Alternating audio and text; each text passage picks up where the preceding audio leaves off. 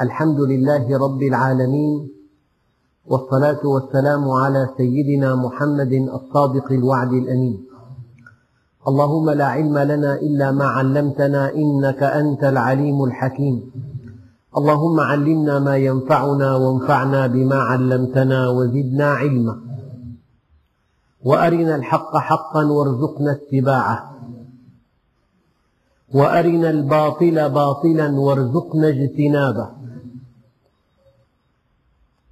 واجعلنا ممن يستمعون القول فيتبعون أحسنه وأدخلنا برحمتك في عبادك الصالحين. أيها الإخوة الكرام مع الدرس السابع والسبعين من دروس سورة البقرة ومع الآيات الثانية والعشرين بعد المئتين وما بعدها وهي قوله تعالى ويسألونك عن المحيض. سأقف عند كلمة ويسألونك. لمجرد أن تتعرف إلى الله عز وجل وتريد أن تتقرب إليه ما من شيء يقربك إليه إلا أن تطيعه. وطاعته تحتاج إلى علم بأمره ونهيه. طاعته تحتاج إلى علم بأمره ونهيه فلا تكون الطاعة طاعة إلا إذا بنيت على أمر ونهي. إذا يسألونك المؤمن الصادق يسأل المؤمن الصادق يثقل مرجعه الديني بالسؤال. المؤمن الصادق لا يقر له قرار إلا إذا عرف الحكم الشرعي في كل شيء في كسبه للمال في إنفاقه للمال في أفراحه في أتراحه في علاقاته في لهوه البريء المسموح به في حزنه في سفره في إقامته في زواجه في تطليقه في كل شيء. لذلك علامة المؤمن يسأل ما حكم الشيء؟ وقال تعالى فاسألوا أهل الذكر. من هم أهل الذكر؟ أهل الوحي. في عنا ثقافة أرضية عنا ثقافة من صنع البشر وفي عنا حقائق من عند خالق البشر. قال تعالى فاسألوا أهل الذكر. أنت تريد كلام الخبير أم كلام غير الخبير؟ الوحي هو كلام الخبير. وكلام الناس كلام غير الخبير. يعني الإنسان أمام ملايين المقولات في شتى الموضوعات ليس لها أساس من الصحة ولا أساس من الواقع ولا أساس من منهج الله عز وجل. فأنت تريد وسط ركام المقولات أن تبحث عن عن أمر الله ونهيه عن الحكم الشرعي عن منطوق الوحي في هذا الموضوع. لذلك ويسألونك إن عرفت الله تسأل. تسأل ما الذي يرضيه وما الذي يغضبه ما الذي يقربك إليه وما الذي يبعدك عنه. ما الذي تسعد به وما الذي تشقى به. هناك في الكون حقيقة واحدة هي الله. الخير كل الخير في التقرب إليه. والشر كل الشر في البعد عنه. وأي شيء يقربك إلى الله عز وجل فهو حق. وأي شيء يبعدك عن الله عز وجل فهو باطل. الذي يقربك هو الحق والذي يبعدك هو الباطل. لذلك مرة كنت في جلسة وطرحت أسئلة فلم يجب أحد. فقلت هل لكم من سؤال؟ قلت له. فقلت هذا السكوت له تفسيران. إما أنه سكوت القانع أو سكوت عدم المبالي. إذا كنت قانعا تسكت. وإن كان هذا الموضوع لا يعنيك تسكت. فالإنسان المؤمن حينما يؤمن وحينما يعظم الله عز وجل وحينما يرجو رحمته وحينما يخشى عذابه يتحرى أمره ونهيه.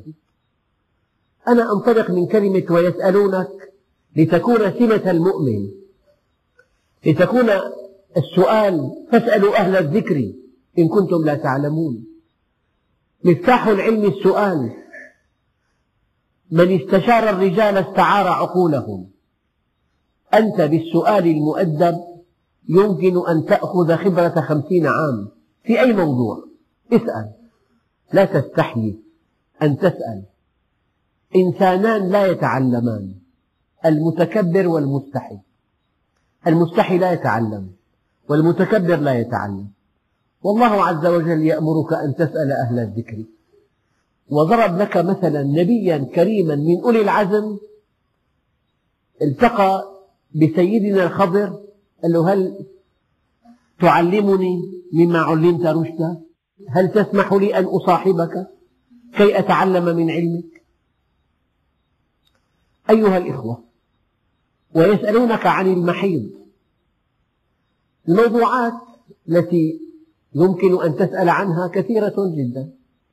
بعضها شديد الخصوصية. بعضها شديد الخصوصية. وبعضها كبير جدا.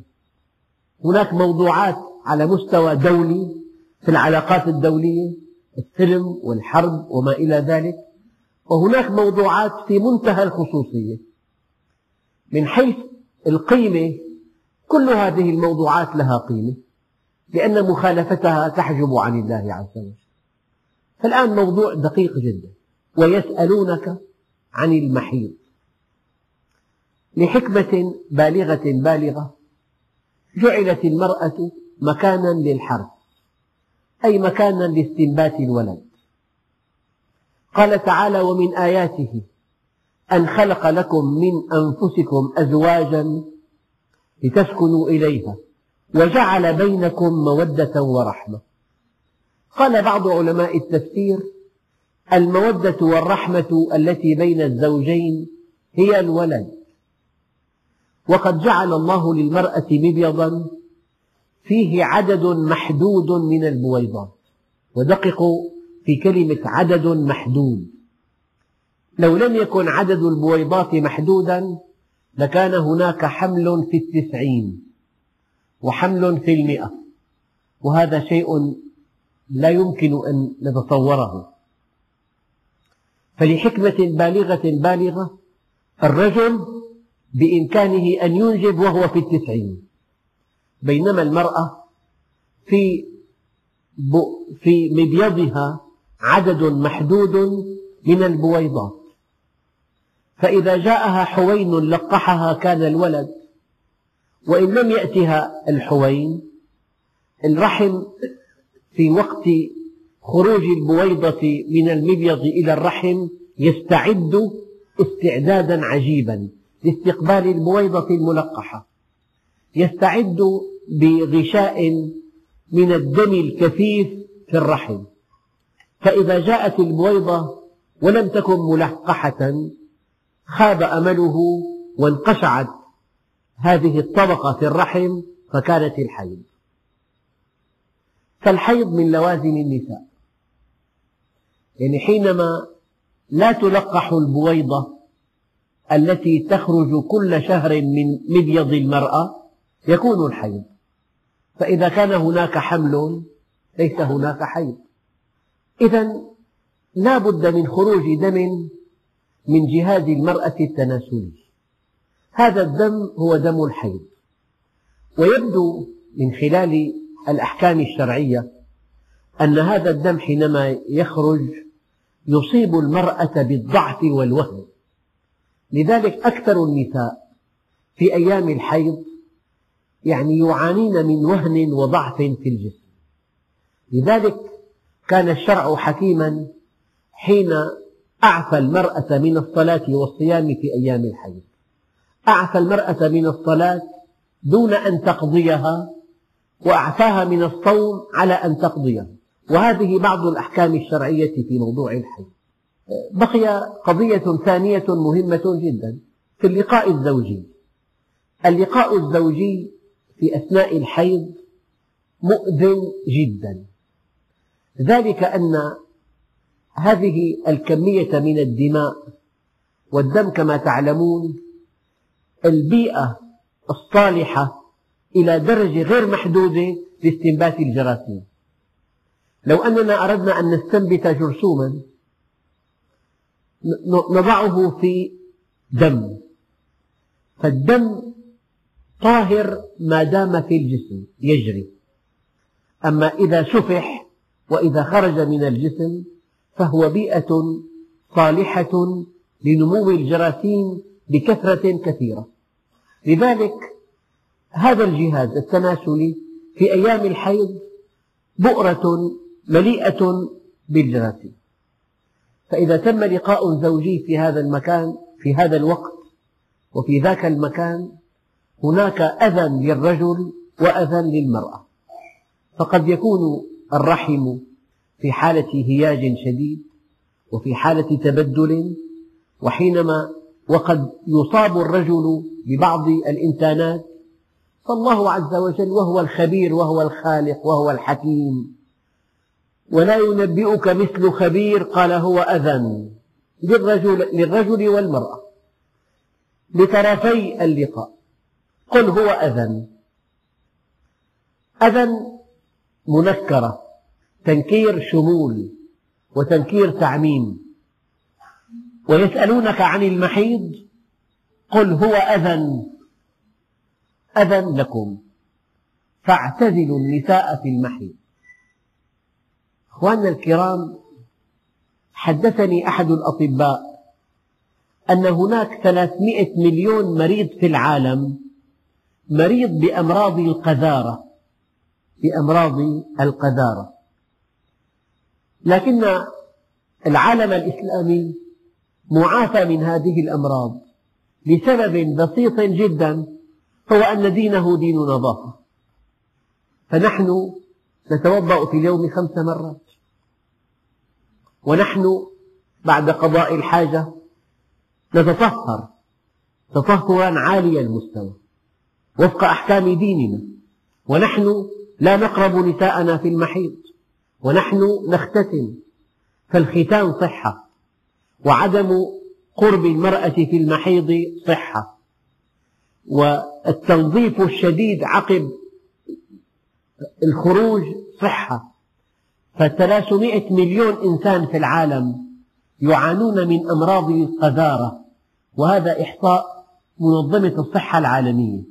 بينما العالم الإسلامي يعد نظيفا من هذه الأمراض لسبب بسيط جدا هو أن المسلم يطبق أحكام دينه فهو طاهر من الداخل والخارج ومن أعلى ومن أسفل. فاعتزلوا النساء في المحيض إلا أن اليهود تصرفوا تصرفوا. فهم إذا حاضت المرأة لا يؤكلوها ولا يقتربوا منها لا يؤكلونها ولا يقتربون منها ويعزلونها عن حياتهم وكأنها شيء قذر. هذا تطرف لكن الإسلام دين وسطي. بين أهل الغرب الذين يفعلون كل ما يريدون في أثناء الحيض وكأنها ليست حائضة وبين اليهود الذين نبذوها وأبعدوها ولم يؤكلوها ولم يعاشروها. والإسلام وسط بين هؤلاء وبين هؤلاء. المسلم يعيش مع زوجته ويأكل من طبخها ويعاملها أطيب معاملة ولكن لا يقربها في مدة الحيض. أما المحيض فتعني دم الحيض وتعني أيام الحيض وتعني مكان الحيض. تعني دم الحيض وتعني أيام الحيض وتعني مكان الحيض. ويسألونك عن المحيض قل هو أذى هذا كلام خالق الكون. أمراض كثيرة أيها الإخوة يعاني منها العالم الغربي. يعني سرطان عنق الرحم قليل جدا في العالم الإسلامي إلى درجة أنه منعدم. سرطان عنق الرحم. أحد أسبابه أن يقرب الإنسان امرأته في أيام الحيض. مرض انقلاب الرحم هذا مرض لا تعاني منه المرأة المسلمة لأن علاج هذا المرض حركات كحركات الصلاة. أمراض كثيرة بحكم ديننا وشريعتنا وطاعتنا لربنا نحن في منجاة من هذه الأمراض. ويسألونك عن المحيض قل هو أذى فاعتزلوا النساء في المحيض ولا تقربوهن. قال يعني الرجل له ما فوق السرة كما قال عليه الصلاة والسلام شأنك بأعلاها. فالمرأة وهي حائضة تنام مع زوجها وشأنه بأعلاها ويؤكلها ويعاشرها دون أن يقترب من مكان الحيض ولا تقربوهن حتى يطهرن. طبعا الفقهاء على اختلاف فيما بينهم حول أقل مدة الحيض وحول أكثر مدة الحيض. لكنهم بين أقل مدة الحيض ثلاثة أيام وأكثر مدة الحيض خمسة عشر يوما. والعلماء يقولون هناك دماء ثلاثة. هناك دم الحيض وهو داكن وهناك دم النفاس وهناك دم الاستحاضة. فدم الحيض هو الذي يخرج من المرأة في أيام الحيض. وقد يتفلت عرق في رحمها فيخرج منه دم فاتح. قال هذه استحاضة تتوضأ لكل صلاة. ودم النفاس معروف الدم الذي يخرج من المرأة عقب الولادة. أقصاه أربعون يوما على مذهب وستون يوما على مذهب ولا حد لأقله. ويسألونك عن المحيض قل هو أذى فاعتزلوا النساء في المحيض ولا تقربوهن حتى يطهرن. يطهرن أي حتى ينقطع الدم. فإذا تطهرن فأتوهن من حيث أمركم الله. يعني إذا تطهرن أي اغتسلن يطهرن ينقطع الدم. تطهرن اغتسلن. فإذا تطهرن فأتوهن من حيث أمركم الله. فأتوهن كناية لطيفة عن الجمع من حيث أمركم الله يعني في صمام واحد في القبل. نعم. إن الله يحب التوابين ويحب المتطهرين. آه، حينما نهاهم سيدنا لوط عن مقاربة الفحشاء الشاذة قال قالوا إنهم أناس يتطهرون. فقال بعض العلماء إن الله يحب التوابين الذين يفعلون ما أراد الله جل جلاله ويحب المتطهرين الذين لا يفعلون فعل قوم لوط في زوجاتهم أيها الإخوة الكرام لا بد من حديث دقيق حول بعض معاني هذه الآيات. يعني هناك من يتهم الإمام مالك رحمه الله تعالى في أنه أجاز آه، الصمام الآخر وقد أنكر ذلك أشد الإنكار هو نفسه في حياته. يعني نساؤكم حرث لكم. ما معنى كلمة حرث؟ الحرث مكان الزراعة ومكان النبات. وهل في المرأة إلا مكان واحد يخرج منه الولد؟ إذا من كلمة نساؤكم حرث مع أحاديث كثيرة جدا تنهى نهيا قطعيا عن الصمام الآخر. نساؤكم حرث لكم فأتوا حرثكم أن شئتم. أن تفيد المكان والزمان والكيفية.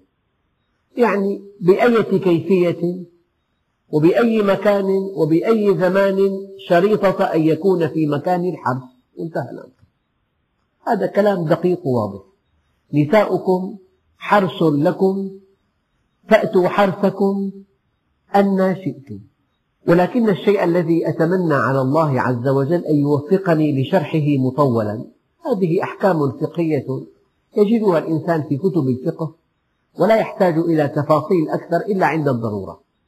ولكن في قوله تعالى وقدموا لأنفسكم يعني هذا الذي يبتغي من الزواج المتعة الحسية ولم يعبأ بإنجاب ولد صالح يدعو له من بعده. أو بإنجاب ولد صالح يكون ذخرا له. أو بإنجاب ولد صالح يكون استمرارا لعمله الصالح. قال تعالى وقدموا لأنفسكم. يعني لا يكن همك من الزواج هما حسيا لا يكن همك من الزواج هما استمتاعيا. المؤمن يقوم إلى زوجته وفي نيته. أن يرزقه الله ولدا صالحا يدعو له من بعده. فهذه الآية لها معان كثيرة. قدموا لأنفسكم الخير من هذا الزواج. يعني الإنسان حينما يتزوج يجب أن يبحث عن المرأة الصالحة التي إذا نظر إليها سرته والتي إذا غاب عنها حفظته والتي إذا أمرها أطاعته فهذه المرأة الصالحة سوف تكون أم أولاده؟ والولد الصالح أعظم كسب الرجل على الإطلاق. أعظم كسب الرجل ولده. فإذا, فإذا قدم لهذا الولد المستقبلي أما صالحة ترعاه فقد قدم الخير لنفسه. قال تعالى وقدموا لأنفسكم. وفي بعض التفاسير أن التقديم للنفس في هذه الآية معناه أن الإنسان إذا أراد أن يلتقي مع امرأته ينبغي أن يدعو. اللهم جنبني الشيطان وجنب ذرية الشيطان. هذا الدعاء يعني هذا الطفل هذا المولود جاء مع دعاء شريف ومع نفس طاهرة مقبلة. فالله جل جلاله يجنب هذا الولد الشيطان. يعني أنا أكاد يعني أوقن يقينا قطعيا أنه ما من لقاء سبقه دعاء كهذا الدعاء إلا كان الولد صالحا. أما الإنسان أحيانا يأتيه ولد ينسيه كل شيء من شدة انحرافه وعقوقه. لعله جاء في غفلة عن هذا الدعاء. فقدموا لأنفسكم هذا الدعاء. هذه واحدة. وقدموا لأنفسكم اجعلوا من الزواج يعني وسيلة للعمل الصالح. يعني الله عز وجل له له طرق كثيرة. الطرائق إلى الخالق بعدد أنفاس الخلائق. منها من هذه الطرق أن تنجب ولدا صالحا ينفع الناس من بعدك. يعني يا أيها الإخوة الكرام ما في بيت ما في أولاد. لكن لو علم الأب أن هذا الابن إذا اعتنى به عناية فائقة ورباه تربية صالحة اعتنى بعقله وجسمه وإيمانه وخلقه ونشأه على طاعة الله وعلى محبة رسول الله ومحبة آل بيت رسول الله وتلاوة القرآن. هذا الطفل الذي جاء عن طريق الزواج هو أثمن ثمرة في الزواج. أكثر الناس يتزوجون للمتعة. لك في دافع جنسي في رغبة جنسية. هذه الرغبة محققة وأنت في أعلى مستويات القرب مع الله عز وجل. ولكن البطولة أن تنوي من هذا الزواج العمل الطيب. لذلك في آية متعلقة بالجهاد يمكن أن نستفيد منها في الزواج. إن تكونوا تألمون فإنهم يألمون كما تألمون. لكن وترجون من الله ما لا يرجون. إن أي شاب سعى إلى الزواج لا بد من مشقة بالغة في العثور على بيت وتأسيس البيت وتأمين نفقات الزواج ونفقات العرس ونفقات الحلي وفرش البيت بالأثاث. وقد يكون الدخل محدود وأزمة سكن مستحكمة والمكاسب قليلة والمطالب كثيرة والحياة صعبة ومعقدة. فهو يتألم. لكن ألم المؤمن يرافقه أنه يرجو من الله في زواجه ما لا يرجوه غير المؤمن. زواج غير المؤمن متعة متعة فقط بينما زواج المؤمن متعة ورسالة. في رسالة. يعني البيت المؤمن المسلم متميز. بيت مبدأ بيت رسالة. بيت منهج بيت تربية. فالابن المربى في بيت إسلامي ابن متفوق كأن الله عز وجل يقول وقدموا لأنفسكم. يعني قدم عملا صالحا من خلال هذا الزواج. قدم عملا طيبا من خلال هذا الزواج. ابحث عن زوجة صالحة تعينك على تربية أولادك. ابحث من خلال لقائك الزوجي عن هدف نبيل تسمو به في الآخرة. وقال بعضهم أن الرجل والمرأة لا ينبغي أن يقعان على بعضهما كما يقع البعير بلا مقدمات هذا فهم إشاري لهذه الآية. لا بد من مقدمات تليق بالإنسان. أما بلا مقدمات صار عمله كعمل البهائم. إذا هناك معنى مستنبط من قوله تعالى وقدموا لأنفسكم يعني أنت إنسان لا بد من كلمة طيبة لا بد من مؤانسة لا بد من ابتسامة. هذا التقديم يليق بالإنسان في اللقاء الزوجي. أو أن هذا اللقاء الزوجي ينبغي أن يكون مناسبة لعمل صالح مستمر بعد موت الإنسان. وهو إنجاب ولد صالح يدعو إلى الله من بعده. أيها الإخوة قضية هذا السؤال ويسألونك عن المحيض قل هو أذى فاعتزلوا النساء في المحيض. يعني الإنسان حينما يطبق أمر الله عز وجل ولو لم يقف على دقائق حكمته ولو لم يقف على دقائق حكمته يقطف كل ثماره. ذلك أن الانتفاع بالشيء ليس أحد فروع العلم به. وكنت أضرب على هذا مثلا دقيق. يعني إنسان لا يقرأ ولا يكتب عنده جهاز تكييف. يكفي أن يضغط على مفتاح التشغيل حتى يأتيه الهواء البارد. هو انتفع بهذا الجهاز دون أن يعلم دقائقه. ويأتي آخر يحمل دكتوراه في التكييف ويضغط على مفتاح التشغيل فيأتيه الهواء البارد. الإنسان الثاني انتفع بهذا المكيف مع العلم بدقائق عمله والأول انتفع بالهواء البارد مع الجهل بدقائق عمله. فكان السلف الصالح لمجرد أنهم عرفوا أن هذا حرام انتهى الأمر. فلما كفوا عنه سعدوا في دنياهم وأخراهم. لو جاء إنسان مفلسف وفهم دقائق الأمر التشريعي ولم يعمل به يدفع ثمنه باهظا. فالعبرة أن يقف الإنسان عند حدود الأمر والنهي. ذكرت اليوم في موضوع لطيف أنه ما من مشكلة على وجه الأرض حصرا إلا وراءها مخالفة لمنهج الله. وذكرت أيضا أن من قواعد اكتشاف الجريمة واكتشاف أسبابها. أن ضباط الأمن الجنائي إذا رأوا جريمة يقولون ابحثوا عن المرأة. وراء كل جريمة امرأة. هذه القاعدة مع التعديل في أية مشكلة يعاني منها المجتمع اليوم. أنا أقول ابحث عن المعصية. لأن المعصية وراء كل مشكلة يعاني منها الإنسان اليوم. وكأن هذا الإنسان مصمم على أن يعيش عمرا مديدا صحيحا جسما ونفسا وقلبا ومعافى أما الأمراض التي تأتيه من كل حدب وصوب والمشكلات التي يعاني منها في كل شؤون حياته كلها بسبب خروجه عن منهج الله. إذا يمكن أن تكون هناك قاعدة ما من مشكلة على وجه الأرض إلا وراءها معصية. وما من معصية إلا بسبب جهل. فالجهل هو أعدى أعداء الإنسان. الجاهل يفعل في نفسه ما لا يستطيع عدوه أن يفعله به. الجاهل يفعل في نفسه ما لا يستطيع عدوه أن يفعله به.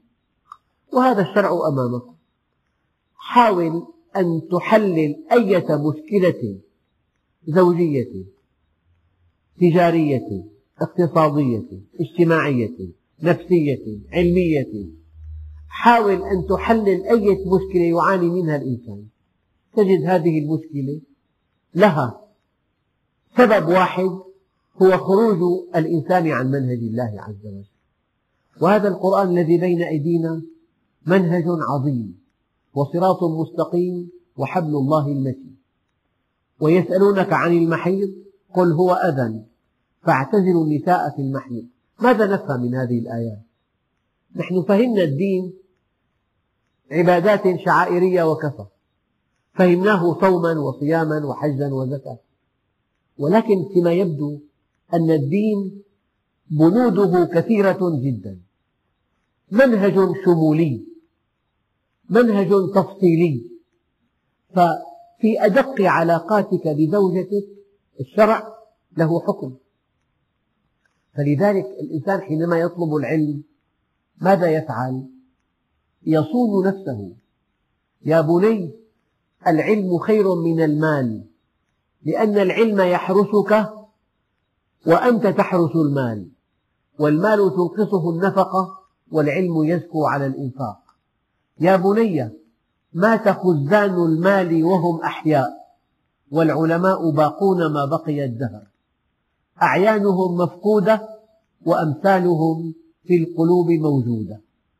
أنت حينما تأتي إلى مجلس علم تتعلم أحكام الشريعة تتعلم أحكام الشريعة الغراء أنت بهذا توظف الوقت لصالحك. أي خطأ يقع في الشأن الخاص له مضاعفات خطيرة. يعني تقريبا الإنسان أعقد آلة في الكون ولهذه الآلة صانع حكيم ولهذا الصانع الحكيم تعليمات التشغيل والصيانة. فإذا كان هذا القرآن بآياته التشريعية وكانت سنة النبي عليه الصلاة والسلام بتفصيلاتها البيانية كانت تعليمات الصانع في التشغيل والصيانة فالإنسان انطلاقا من حبه لذاته ومن حبه لذاته المفرط عليه أن يتبع تعليمات الصانع فيسعد ويرقى. أيها الإخوة يعني تفاصيل الحديث عن هذا الموضوع يمكن أن نتابعها في أي كتاب فقه. لأن الإنسان يحتاجها عند الزواج. ثم يقول الله عز وجل نساؤكم حرث لكم فأتوا حرثكم أن شئتم وقدموا لأنفسكم. واتقوا الله. يعني اتقوا معصية الله. اتقوا سخطه. اتقوا عقابه. اتقوا ناره. واتقوا الله واعلموا أنكم ملاقوه وبشر المؤمنين. يعني في رادع وفي مشجع. المشجع هي الجنة والرادع هي النار ولنعلم علم اليقين أن الله بكل شيء عليم.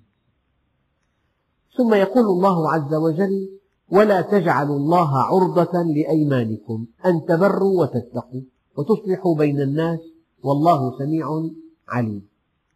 يعني الإنسان حينما يحلف يمينا في ساعة غضب ويقسم ألا يزور أخته أو شقيقته ثم يجد الخير كله في زيارتها وفي التواصل معها وفي العناية بها وفي إرشادها وفي نصحها. هو بهذا اليمين منع الخير عن نفسه. فالله عز وجل يقول لنا إن كان هذا اليمين الذي أقسمت به سيكون مانعا لك عن فعل الخير ينبغي ألا يكون هذا اليمين سببا لامتناعك عن الخير. لا بأس عليك كفر عن يمينك واصنع الخير. هذه حقيقة؟ لأن القصد أنك في هذه الحياة الدنيا مخلوق للعمل الصالح. فإذا كنت في ساعة غضب أقسمت ألا تعمل صالحا وألا تقرض إنسانا وألا تزور أخا وألا تساعد صديقا ثم وجدت أنك بهذا اليمين حرمت من الخير كله. ماذا نفعل؟ نقول لك افعل الخير وكفر عن يمينك. لا تتخذ من هذا اليمين وسيلة للكف عن الخير. ولا تجعلوا الله عرضة لأيمانكم أن تبروا وتتقوا وتصلحوا بين الناس. والله سميع عليم. الإنسان بشكل أو بآخر ينبغي ألا يحلف لقوله تعالى واحفظوا أيمانكم. وكان بعض الأئمة الكرام وهو الإمام أبو حنيفة النعمان رحمه الله تعالى كان يدفع دينارا ذهبيا عن كل يمين أقسم به صادقا يدفع دينارا ذهبيا يعاقب بهذا الدينار نفسه عن كل يمين أقسم به صادقا. طبعا فكيف إذا كان غير صادق؟ يقول عليه الصلاة والسلام اليمين منفقة للسلعة ممحقة للبركة. لأكثر البائعين كل كلمتين يمين. بربه بدينه بالكعبة بالقرآن برسمالة وقلب رسمالة هذه الأيمان التي يحلفها البائع ليروج سلعته. هي أيمان تمحق البركة لعلها تنفق السلعة لكنها تمحق البركة. فلذلك الإنسان عليه في الأصل أن يحفظ لسانه عن حلف اليمين. ودائما الإنسان حينما يحلف كأنه يتهم نفسه بالكذب سلفا. عود نفسك أن تقول كلاما بلا أيمان. فهذا السامع ينبغي أن يحترم كلامك من دون يمين. فإن كان لا يصدقك إلا باليمين فلا ينبغي أن تحدثه. يعني غريب. صفة شائعة بين المسلمين. مع كل كلمة يمين. وأيمان منوعة وبعض الأيمان محرم أن تحلفها. بولادي من كان حالفا فليحلف بالله بالله العظيم. لا ينبغي أن تحلف بغير الله. أولا. فإذا حلفت فاحلف بالله. وينبغي أن تحفظ أيمانك من أن تكون في موضوعات يومية مبتذلة. أما حينما تحلف لا سمح الله ولا قدر ولا قدر يمينا غموسا لتقتطع به حق امرئ مسلم خرجت من الإسلام. وهذا اليمين الغموس لا كفارة له لأنه يخرجك من الدين. وتحتاج بعد اليمين الغموس إلى تجديد إسلامك وإلى توبة نصوح وإلى أن تشهد أنه لا إله إلا الله وأن محمدا رسول الله لأنك بهذا اليمين الغموس خرجت من الإسلام. هذا الذي يحلف يمينا أمام القاضي ليقتطع به حق مبلغا أو مالا من حق أخيه المسلم إنه بهذا يخرج من دينه. هذا اليمين الغموس موضوع آخر. أما هنا لو حلفت يمينا في ساعة غضب. مضمون اليمين ألا تنصح إنسانا. أو ألا تعاون إنسانا. أو ألا تزور أخا. أو ألا تعالج مريضا. أو ألا تقرض مسكينا. لو حلفت مثل هذا اليمين ثم وجدت أن الخير في في الحنث به. ينبغي أن تكفر عنه وأن تفعل الخير. هذا المعنى الأول. ولا تجعلوا الله يعني بينكم وبين الخير. أنت مخلوق للخير. مخلوق للعمل الصالح. لا تجعل هذا اليمين بينك وبين الخير. أن تبروا أن تفعلوا الخير. وتتقوا وأن تقفوا عند حدود الله. وتصلحوا بين الناس. والله سميع عليم. والمؤمن أيها الإخوة من صفاته الأساسية أنه يصلح بين الناس. لقول الله عز وجل فاتقوا الله وأصلحوا ذات بينكم. ولقول النبي عليه الصلاة والسلام إياكم وفساد ذات البين فإنها الحالقة. لا أقول حالقة الشعر ولكن أقول حالقة الدين. فالإصلاح بين الناس ديدن المؤمن وطاعته لله ديدنه أيضا وعمله الصالح ديدنه أيضا. العمل الصالح والطاعة والإصلاح بين الناس.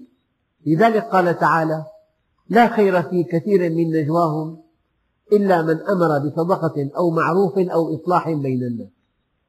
المؤمن من صفته أنه يقرب يقرب ويوفق ولا يفرق ولا يباعد ولا ينفر. وقد ورد عن رسول الله صلى الله عليه وسلم أنه ليس منا من فرق بين اثنين. إذا في ساعة غضب حلفت يمينا منعت به خيرا عن نفسك يقول الله لك لا تجعل هذا اليمين مانعا لك من فعل الخير كفر عنه وافعل الخير. ثم يقول الله عز وجل لا يؤاخذكم الله باللغو في أيمانكم ولكن يؤاخذكم بما كسبت قلوبكم. والله غفور حليم. يعني اللغو أناس كثيرون تفضل كون والله ما لي أدرى والله قال والله ما لي أدرى تفضل كون ما لي والله ما لي مشتهي وهو في أشد حالات الجوع. مسألة أن يقول إي والله ولا والله. فهذا يمين هذا اليمين اللغو هذا اليمين يعني نرجو الله أن يعفو الله عنا به. ولكن الأولى ألا نحلفه إطلاقا. لا يؤاخذكم الله باللغو في أيمانكم ولكن يؤاخذكم بما كسبت قلوبكم. الإنسان حينما يحلف يمينا منعقدا وينوي وراءه شيئا هذا اليمين محاسب عليه أشد المحاسبة وكان لهذا اليمين تبعات كثيرة. لا يؤاخذكم الله باللغو في أيمانكم ولكن يؤاخذكم بما كسبت قلوبكم. والله غفور حليم. يعني هذا القلب ينظر الله إليه. هو منظر الرب. ورد في بعض الآثار القدسية أن عبدي حسنت منظر الخلق سنين. أفلا حسنت منظري ساعة؟ قلبك ينظر الله إليه يوم لا ينفع مال ولا بنون إلا من أتى الله بقلب سليم. لا ينفع مال ولا بنون إلا من أتى الله بقلب سليم. فلا تجعلوا الله عرضة لأيمانكم. أنت مخلوق للعمل الصالح. ينبغي أن تفعله في كل الأحوال. ولو حلفت يمينا منعقدة ألا تفعل خيرا كفر عنه وافعل الخير. افعل الخير واتق أن تعصي الله وأصلح بين الناس. والله يعلم متقلبكم ومثواكم.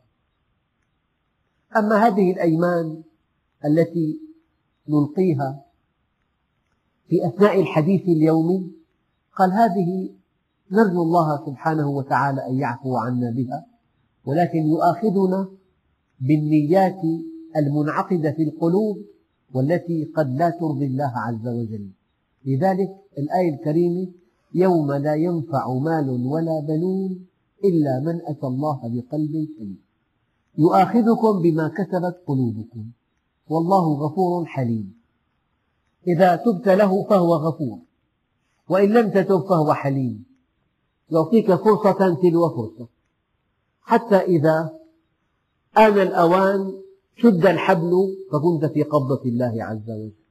والحمد لله رب العالمين.